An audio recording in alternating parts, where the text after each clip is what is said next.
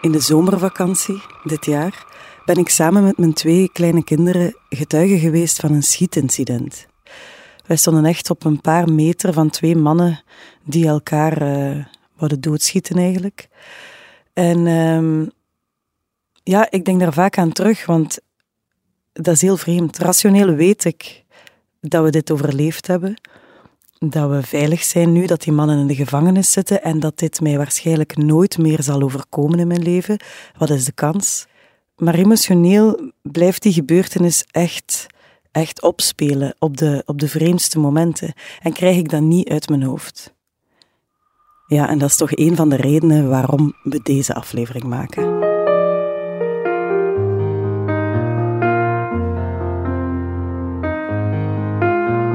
Dit is Studio Brein, een podcast van Breinwijzer over de wondere wendingen van je hersenen. Met Eva Moeraert en Maaike Verstraten. Ja, daarom is het thema van deze aflevering trauma. Wat doet zo'n trauma nu exact in je hersenen? Waar laat het zijn sporen na? Hoe komt het dat we daar niet rationeel over kunnen nadenken? En vooral, valt er iets aan te doen en kunnen we er sterker uitkomen? Ik ben Eva, Eva Moeraert, professioneel verhalenverzamelaar en ook podcastmaker. En ik ben Maaike Verstraten, psychologe met een fascinatie voor alles wat gebeurt onder je hersenpan. Welkom bij Studio Brein, de podcast. Even kijken. Oh, wacht, de poortsleutel hebben. Oh, die is open. Ik ben op bezoek bij Sonja. Sonja woont in een klein huisje in een dorpje niet zo ver van Leiden. En het regent lichtjes terwijl we buiten aan de achterdeur staan. Uh, nou, we staan nu in de achtertuin en daar staat mijn grijze container waar het uh, afval in zit. En uh, we gaan nu naar de poort lopen. Maar normaal gesproken als het dan donker was, dan ja, begon eigenlijk nu mijn hart al wel weer wat harder te kloppen. Dan moest ik de poort openmaken en had ik ook geen idee of er dan al iemand achter de deur stond. En dan gaat de deur open. Ja, en dan dacht ik, oké, nou daar gaan we op hoop van zegen. Dat als ik nu die bak aan de weg zet, dat er niks gebeurt. Nou, dan nam ik hem mee en dan keek ik al heel erg in de verte. En dan hoopte ik dat er niks ging gebeuren. Kijk, en als je dan recht voor je kijkt, dan zie je, als je nu helemaal rechtdoor kijkt naar links, daar kan iemand uitkomen. Maar hier halfwege naar rechts moet ik heen. En daar kan ook iemand staan. En dan was ik altijd aan het nadenken, welke kant kan ik oprennen, zodat diegene mij niet kan pakken. En dat deed ik dan. Sonja durfde jarenlang haar vuilnisbak niet in het donker de straat in te rijden. En dat komt omdat ze in een bankoverval was betrokken.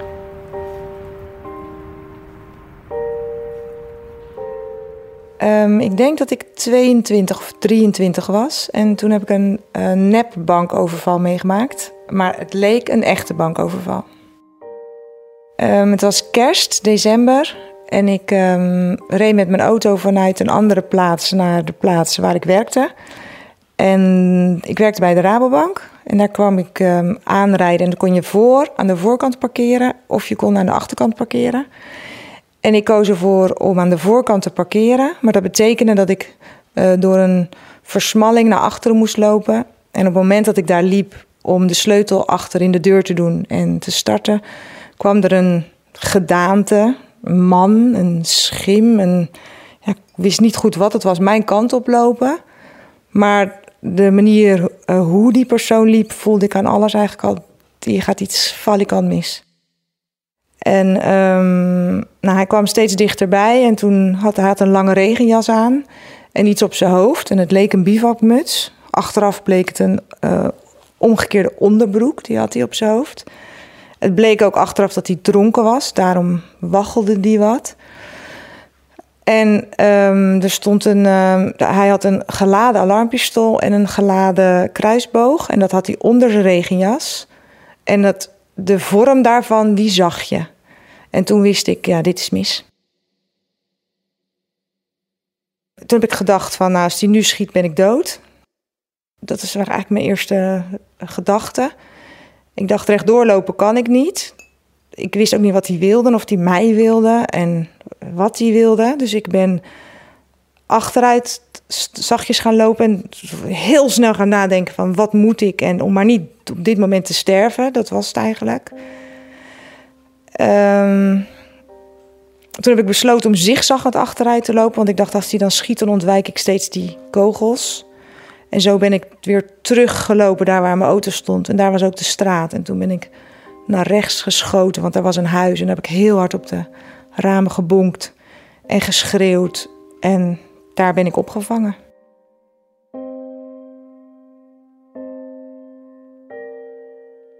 Oké, okay, Maaike, dit was het verhaal van uh, Sonja. Jij bent, uh, je hebt het al gezegd, psychologe, maar met een grote fascinatie voor ons brein.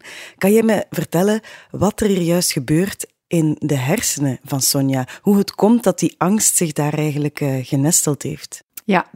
Herinneringen worden in de hersenen opgeslagen als een set van ervaringen. Denk aan geuren, beelden, gevoelens, gedachten, lichamelijke sensaties, geluiden. Bij gewone herinneringen worden al die indrukken op den duur een soort script of een schema. Bijvoorbeeld het schema van een verjaardagsfeestje. Dan kan je denken aan slingers, vlaggetjes, een kroon, een liedje, taart, cadeautjes. Dus die set van herinneringen is niet meer gelinkt aan jouw allereerste verjaardagsfeestje, maar wordt een soort script voor elk verjaardagsfeestje. Mhm. Wat we zien bij trauma, dus bij herinneringen aan heftige ervaringen die levensbedreigend zijn of waar je je heel erg machteloos bij gevoeld hebt, is dat die set aan elkaar blijft plakken. Dus al die sensaties blijven aan elkaar verbonden en blijven aan die ene situatie vastzitten. Ja, en omdat we dat beter wilden begrijpen in de hersenen, gingen we te raden bij een wetenschapper, bij Erno Hermans van de Radboud Universiteit in Nijmegen. En dan hebben we ook gevraagd hoe die traumatische herinneringen worden aangemaakt en ook gecodeerd in ons brein. Dat is een, een hele ingewikkelde vraag. En dat is iets waar jaren en jarenlang onderzoek naar uh, gedaan wordt al en nog steeds gedaan wordt. En wat we weten is dat uh, de manier waarop herinneringen worden aangemaakt door het moment zelf al anders is. Uh, in de zin dat er een, een sterke activatie is van je uh, stresssystemen. Dus je krijgt aanmaak van adrenaline, noradrenaline in de hersenen. ook van stresshormonen zoals cortisol. Nou, die zorgen ervoor dat onze aandachtssystemen anders werken. Dus we, we encoderen, we, ja, we coderen onze herinneringen op een andere manier dan we normaal gesproken zouden doen. Met een ander soort focus. En die hormonen zorgen er ook voor, en dat is echt, zijn echt biologische effecten, uh, dat herinneringen sterker worden opgeslagen. Dus uh, adrenaline, of eigenlijk via noradrenaline, samen met uh, stresshormonen zoals cortisol, die uit je nieren, bijnieren komen, hebben een invloed op de manier waarop je hersenen dingen kunnen opslaan. En dat komt omdat dat herinneringen eigenlijk gecodeerd worden als verbindingen tussen neuronen. Dat zijn biologische processen en die staan onder invloed van lichamelijke processen, uh, zoals stresshormonen. Dus herinneringen worden sterker daarvan. Uh, en het is ook niet zo dat, dan, dat op, uh, op één moment een traumatische herinnering gemaakt wordt. Hè? Dus op het moment dat een herinnering aangemaakt wordt, is die nog niet traumatisch. Dus wat het traumatisch maakt, is dat het over hele lange tijd een proces ontstaat waarin de herinneringen heel makkelijk omhoog komen weer. en daarmee weer extra versterkt worden. Dus het is eigenlijk een soort visieuze cirkel die je krijgt, waarbij een herinnering weer omhoog komt. Dat gaat gepaard weer met die lichamelijke reacties. Die zorgen weer voor versterking van die herinnering. En dat gaat in een cirkel zo door eigenlijk. Ja, en dat heb ik ook gehoord bij Sonja. Want in haar hoofd, in haar brein, zijn er door die bankoverval heel wat angsten uh, geslopen eigenlijk. Ja, we hoorden al dat ze haar vuilnisbakken niet meer durfde buiten zetten in het donker, maar ook alleen naar huis gaan s'nachts is moeilijk woonde toen nog bij mijn ouders. En ik ben toen op mezelf gaan wonen, een jaar later denk ik. En toen bemerkte ik, als ik het nu allemaal terugkijk, maar toen wist ik dat niet hoor. Ik had, merkte ik dat als ik dan ergens naartoe ging en ik wist dat ik alleen naar huis moest, dan, um, dan was ik daar van tevoren al heel druk mee bezig. Dus dan was ik aan het bedenken van, oké, we gaan nu met een groep. Gaan die al eerder naar huis of gaan die al eerder naar huis? Kan ik met hun mee fietsen of met hun mee fietsen? Maar ik ging het van tevoren al inbedden, zodat ik wist dat ik met mensen naar huis ging. Dat ik niet alleen hoefde. Een soort manipulerend van hoe laat ga jij naar huis? En hoe laat ga jij naar huis? Dus ik ben echt uh, jarenlang de zeikert geweest. Want oh, daar komt ze weer. Zij, zij wil weer weten hoe laten we naar huis gaan. We gaan naar huis als de gezelligheid voorbij is. Maar ik dacht alleen maar, als ik maar niet alleen naar huis hoef. Ja, en wat ik mij dan afvraag als ik dit hoor, Maaike, uh, dit verhaal van Sonja, dan vraag ik me af, dat is toch niet handig van ons brein, dat hij ons zo bang maakt voor die situaties? Nee, dat is niet handig, maar heel normaal. In de psychologie noemen we dat de negativity bias, een denkfout eigenlijk, die ervoor zorgt dat we negatieve ervaringen meer aandacht geven en beter opstaan in onze hersenen. Dus we hebben meer herinneringen aan wat moeilijk liep dan aan wat makkelijk was. En op zich was dat voor onze overleving heel belangrijk. Het was veel belangrijker om te weten waar en wanneer je een leeuw had ontmoet hè, en wat eraan vooraf ging en welke uh, sensaties of eh, signalen jij hebt gemist, dan om je goed te herinneren waar die lekkere bessenstruik stond. Want zo vind je er ongetwijfeld nog twaalf. Dus we zien, er komt minder aandacht naar positieve gebeurtenissen dan negatieve. Dat is eigenlijk een gezond proces. Hersenen hebben niet een bepaalde maximale capaciteit die je in gigabytes kunt uitdrukken, maar hebben wel een, een, een beperking in hoeveel er opgeslagen kan worden. En dus het, ons geheugen is eigenlijk van nature selectief. Dus we moeten selecteren om de juiste dingen te kunnen onthouden die van belang zijn. Um, en daarom wordt er dus tijdens het, terwijl we iets meemaken, eigenlijk al geselecteerd met aandacht, wat er gecodeerd wordt. Maar ook in het, in het daarna uh, bewaren van herinneringen vindt selectie plaats. En we, we, bewaren alleen de belangrijkste dingen. En die biologische processen helpen daarbij. En dat zijn dus eigenlijk gezonde processen, maar die kunnen, op, kunnen uit de hand lopen als dingen te sterk worden. Oké, ik snap het allemaal, van die leeuwen en die bessen en zo. Maar Sonja weet, heel rationeel, ook in haar brein, dat ze niet bang hoeft te zijn om vuilnisbakken buiten te zetten s'avonds, dat die man daar niet meer gaat komen. Maar toch is ze dat. En dat is toch ook in uw brein. Uw hersenen weten toch dat dat geen zin heeft? Ja, dat klopt. En dat is ook bijzonder. Uh dat komt omdat verschillende delen van onze hersenen verschillende functies hebben. Okay. Rationele processen, zoals denken en plannen en besluiten nemen, gebeurt in je prefrontale cortex.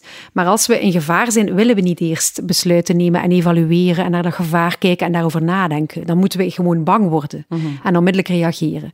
Dus Emoties zijn een belangrijk waarschuwingssysteem en die zorgen er eigenlijk voor, die vinden plaats in de amygdala onder andere, en die zorgen er eigenlijk voor dat bij heftige overlevingssituaties het prefrontale brein on hold wordt gezet. Dus die heeft eigenlijk niets meer in de pap te brokken. Jouw rationele deel heeft daar niets mee te maken, wordt opzij geschoven en die oudere overlevingsreacties nemen over. We zien zelfs dat hele oude angsten, die vandaag rationeel niet zinvol meer zijn, toch nog opgeslagen zitten in ons brein. Ja, een, bekend voorbeeld is uh, uh, fobieën voor spinnen bijvoorbeeld. Daar is geen enkele rationele verklaring voor waarom we bang zouden zijn voor spinnen. Want ja, niemand gaat, in ieder geval niet in onze maatschappij, uh, dood of raakt gewond door spinnen. Uh, er, zit een, er zit een bepaalde achtergrond achter. En dat is waarschijnlijk dat in de evolutie daar wel een, uh, een bepaalde waarde van is geweest. En daarin zie je dus dat bepaalde systemen ingeregeld zijn in de hersenen om te reageren op bepaalde prikkels, zoals een spin, op, met angst. Um, terwijl we eigenlijk weten dat het helemaal niet, niet gevaarlijk is. Dus we hebben maar ten dele controle met ons, ons talige denken op uh, die, die angstprocessen die geproduceerd worden in lagere delen van de hersenen. Van de spinnen terug naar Sonja, want die is wel van haar angsten afgeraakt na vele jaren. Via een therapeut is ze dus jaren later in contact gekomen met EMDR-therapie. Nou, ik, denk, ik, was, ik was denk bij de, bij de psycholoog. En toen kwamen we ook op angsten. Maar zij zei, heb jij wel eens nagedacht of jij ADHD hebt? En toen zei ik, nou, daar denk ik wel eens over na, ja. Want elke keer komt weer dat drukken in mijn hoofd weer terug. Zo werd ik doorverwezen naar een uh, volwassen praktijk voor onderzoek voor ADHD. En daar hebben we mijn hele jeugd uh, besproken. En uiteindelijk was de diagnose aan het eind van die dag, ik ben daar zeven uur binnen geweest, was dat ik posttraumatisch stress had op de bankoverval. Dat was het. En met die, met die emoties zei zij van, je zou, uh, heb je wel eens over EMDR nagedacht? En mijn oudste zoon had EMDR gehad. En toen dacht ik, ja, nu is het voor mij ook tijd om dat te doen.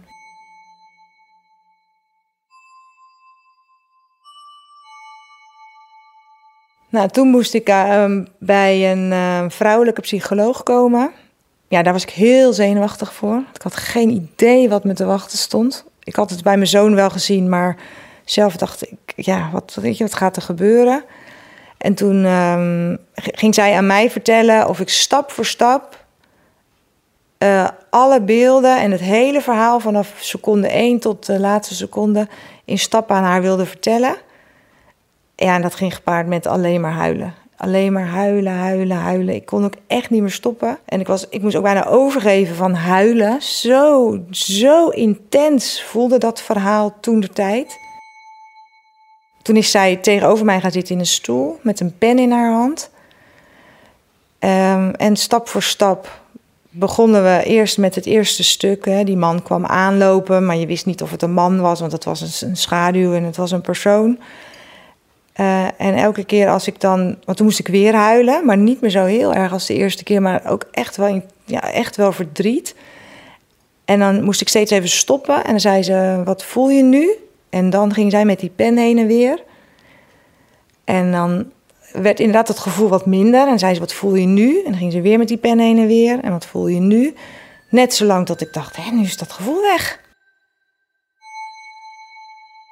Maaike, ik had hier nog nooit over gehoord, over die EMDR. Jij wel al, hè? Wat, wat is dat juist? Ja, letterlijk staat EMDR voor Eye Movement Desensitization and Processing. Het is een um, erkende en goed wetenschappelijk onderzochte behandeling van trauma. Concreet gaat het over een gecontroleerd, intens herbeleven van die herinnering. En ondertussen wordt een ander deel van je hersenen belast. Bijvoorbeeld door met je ogen een pen te volgen van links naar rechts. Ja, en niet alleen Sonja was enthousiast over EMDR-therapie. Blijkbaar wordt het in Vlaanderen al op heel wat plekken uh, gebruikt, ook al is het niet zo bekend. En daarom gingen we eens luisteren bij het trainingscentrum voor EMDR-therapeuten in België, Integrativa in Zottegem. En we praten daar met Ludwig Cornel de grondlegster van de methode is pas dit jaar gestorven in het voorjaar. Maar het is pas sinds de aanslagen hier in België en ook in, in Frankrijk dat dit uh, ja, toch wel meer en meer bekend aan het worden is. Alhoewel dat in professionele middens dat het al heel bekend is. Het is ook zo dat EMDR een van de best onderzochte, wetenschappelijk onderzochte traumaverwerkingsmethodes is. De methode heeft meer dan 35 tot 40 gerandomiseerd gecontroleerde studies die aantonen dat het werkt. Het enige dat we niet weten is waarom dat het juist werkt. Maar dat het werkt is zeker, ja. Ja, en omdat ik echt wel onder de indruk was uh, van het verhaal van Sonja en ik dit precies een wondermiddel vind en ook een schietpartij heb meegemaakt, uh, besloot ik het zelf eens te gaan proberen. En ik ging langs bij EMDR-therapeut Olivier van Limbergen in het traumacenter Leons Roels in Zottegem.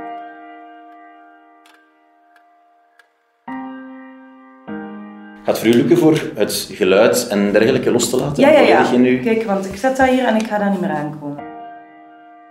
Goed, Eva, ik wist al dat het over een, een schietincident ging. Ja. Kun je mij iets meer vertellen over de situatie? Uh, ja, het was in juli.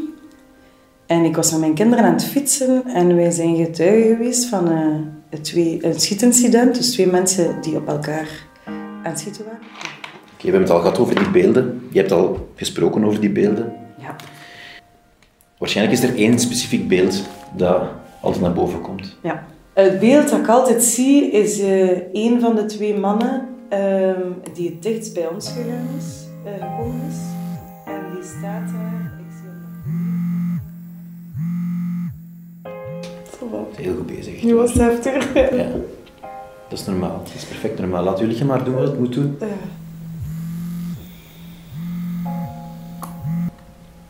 Eens diep in. Perfect. Het gevoel groeide. Mm -hmm. Was het altijd aan het groeien? Of was het... Het ene was ik afgeleid, dus ja, dat, dat was... ja, en ergens een stemmen of iets dat tegen is? Nee, nee, nee. Proficiat, je zit er vanaf. Let's see, ja, ja dat is oké.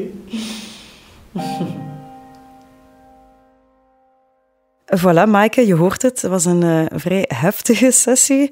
Uh, maar bij mij was het een beetje anders als uh, bij Sonja, want zij moest naar zo'n pen kijken die over en weer ging.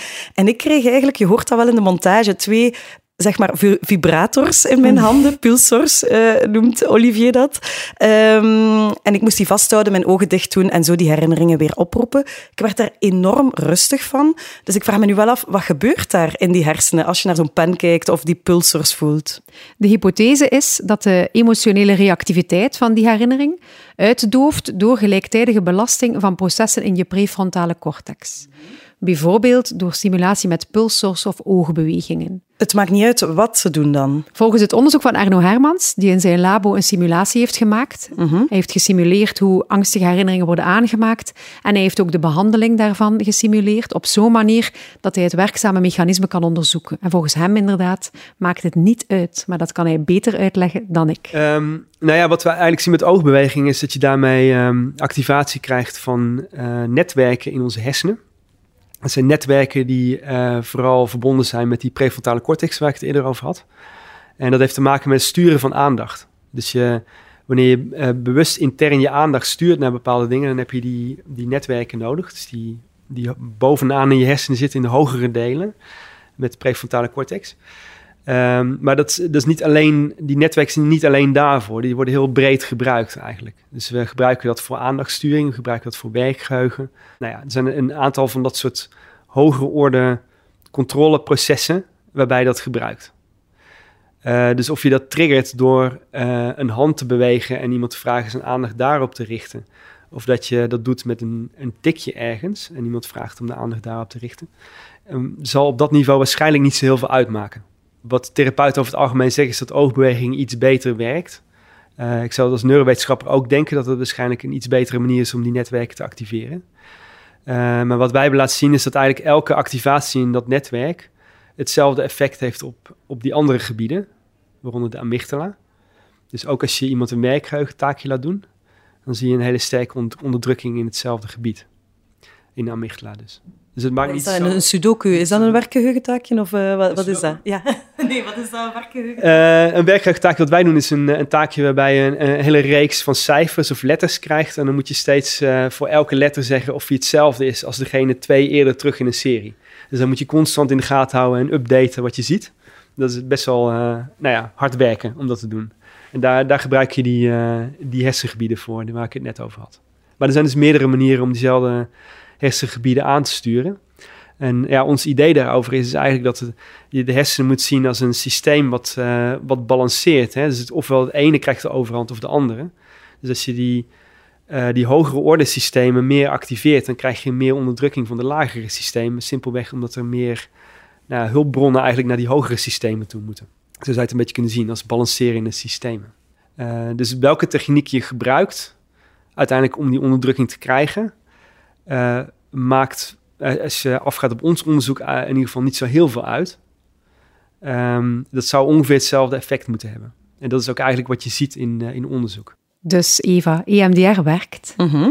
En wat Ludwig van EMDR België ons ook vertelde, is dat het breder wordt toegepast. Niet alleen bij trauma, maar ook bij angst en depressie en burn-out. Juist omdat die resultaten zo veelbelovend zijn. Veel te veel, en we hadden ook geen keuze vroeger, is er gewerkt op symptoom. We proberen mensen zich beter te doen voelen. En dat kan werken. Stel je voor, je moet een examen komen doen binnenkort, of je bent eh, aan het studeren, je moet een examen doen en je hebt faalangst. Je komt bij een psycholoog en je zegt van, ah, ik moet overmorgen een examen doen. De psycholoog gaat je proberen rustig te maken, zodanig dat je het examen kan doen. Maar dat is alleen maar symptoomwerk. We moeten gaan kijken van oké, en dan kom je terug naar het examen. En dan gaan we gaan kijken, hoe komt dat je zo schrik hebt? Van waar komt dat? En dan gaan we gaan zoeken. We zoeken naar gevoelens, we zoeken naar herinneringen. Daar werken we mee, zodanig als de volgende examenperiode eraan komt, dat de patiënt zegt van, ja, ik blijf rustig. En dat zijn dingen die je waarneemt. Je moet er niks voor doen. Vandaar ook, als de patiënt terugkomt, dan gaan we vragen van, en hoe is dat nu? En heel vaak zeggen mensen van, hé, dat is heel raar, ik doe dat niet meer. Of ik doe dat niet meer, of ik moet daar niet meer aan denken. En daar is geen inspanning meer voor nodig, omdat het symptoom gewoon is weggevallen. Als je onkruid hebt, dan moet je de wortel weghalen. En niet alleen maar de bovenkant wegsnijden. En dat is wat we gevonden hebben bij EMDR. Ja, en inderdaad, ik voelde mij ook echt opgelucht na zo'n EMDR-sessie. En Sonja had dat ook, maar zij kan dat nog veel beter verwoorden dan ik. Je hebt, je hebt, bij ons heb je de André Lon shampoo. En dat is een vrouw die, eh, die een beetje ne- eh, ja, een negatief zelfbeeld heeft. En dan gaat ze André Lon gebruiken. En dan, wordt, en dan wordt ze helemaal zeker van zichzelf, maar te zeker. Mama zei was dof en mat. En mama zelf ook. Een beetje mat. Tot ze André Lonnenmandelzijn ontdekte. Mama Zaar begon helemaal te stralen. Sushi. Sushi. En mama zelf ook. voel me af en toe net als de André Lon reclame. Zo van dat ik gewoon weer zweef en weer blij ben en zeker ben. En ja, dat. Ja, Maaike, we moeten dringend Tine shampoo... Uh, André Lon, Eva. André, André Lon. André Lon shampoo in huis halen. Maar allemaal goed en wel. We weten nu dat het werkt, maar wat ik mij nog afvraag is... Is het wel een goed idee om herinneringen te gaan wissen in je brein. Want, zoals je me daarnet verteld hebt, evolutionair gezien is het wel belangrijk dat we herinneringen hebben om die leeuw te gaan ontwijken. Ja, Gelukkig wordt die herinnering niet gewist. Daar zou je ethisch ook vragen bij kunnen stellen of dat wel oké is. Maar wat er eigenlijk gebeurt, is dat de emotionele reactiviteit van die herinnering, die in die amygdala gecodeerd zit, die wordt veranderd. Er wordt eigenlijk een nieuwe herinnering gecreëerd, die op de oude wordt aangemaakt, maar daar zit een gevoel bij van veiligheid en rust. Wanneer je mensen weer opnieuw blootstelt aan die eerdere, nou ja, min of meer traumatische herinnering, of het model daarvoor in ieder geval, dan zie je dat, het, uh, dat die herinnering wel weer terugkomt. Dus het is niet uitgewist, maar mensen zijn beter in staat om het onder controle te houden. Dat is eigenlijk de belangrijkste conclusie van ons onderzoek. Dus Eva, de signaalfunctie van die herinnering blijft bestaan. Mhm.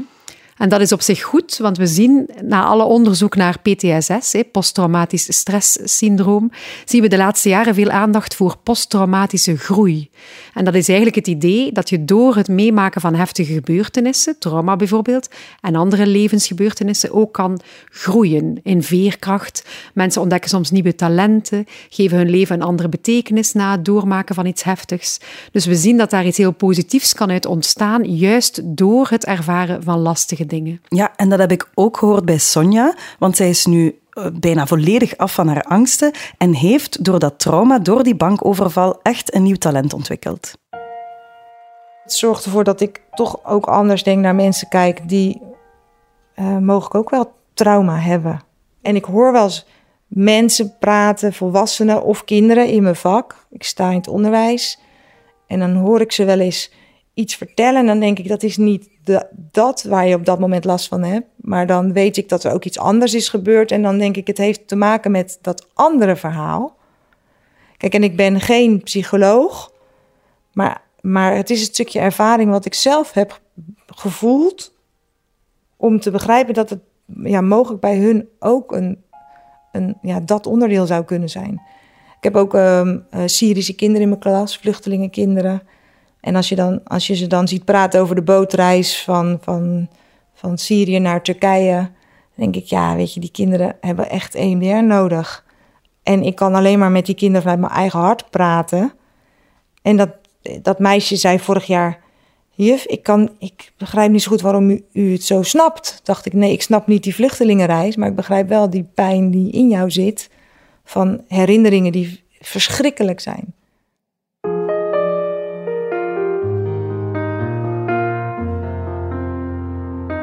Dit was Studio Brein. Bedankt om te luisteren en bedankt aan Breinwijzer om deze podcast mogelijk te maken. Ook bedankt aan Niels de Keukelare voor de schitterende sounddesign. En meer informatie en links over alles wat we in deze aflevering vertelden vind je op breinwijzer.be trouwens. En wil je nog meer bijzondere breinen ontdekken? Dan kan je je abonneren op deze podcast via iTunes, Spotify of de podcast-app die jij gebruikt. Help ons ook om de podcast bekender te maken bij een groter publiek door een recensie achter te laten. Tot de volgende keer, tot een volgende Studio Brein. Studio Brein, een podcast van Breinwijzer over de wondere wendingen van je hersenen.